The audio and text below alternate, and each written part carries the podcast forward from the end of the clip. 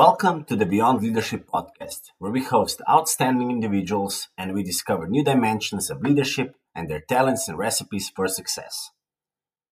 Continuing with December's topic of exceptional professional women, this week's tip of the week covers the challenges that women can encounter in the contemporary workplace. Today's tip of the week is based on the article What's Really Holding Women Back? written by Ely and Padavic published in 2020 in Harvard Business Review. Challenges for women in the workplace. Scholars of gender inequality in the workplace are asked by companies to investigate why they're having trouble retaining women and promoting them to senior ranks.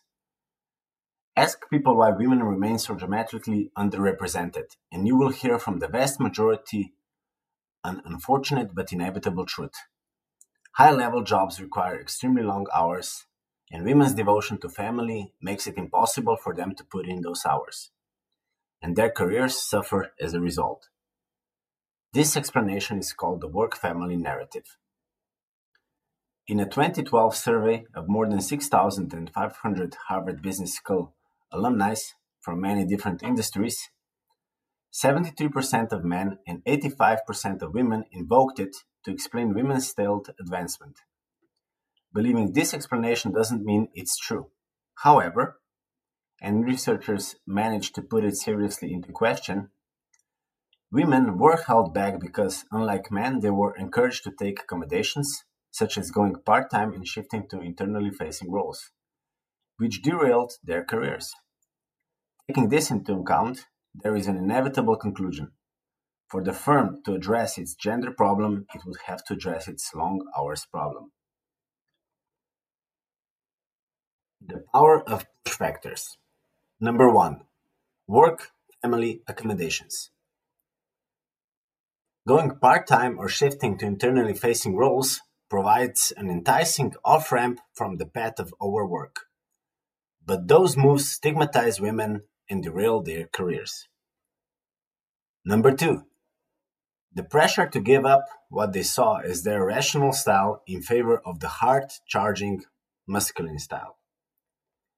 One female partner told researchers how an early mentor warned that relying on her well honed relationship building skills would communicate to prospective clients that you don't have a lot going on between your ears. Number three, poor reputation of female partners with children whose mothering was roundly condemned.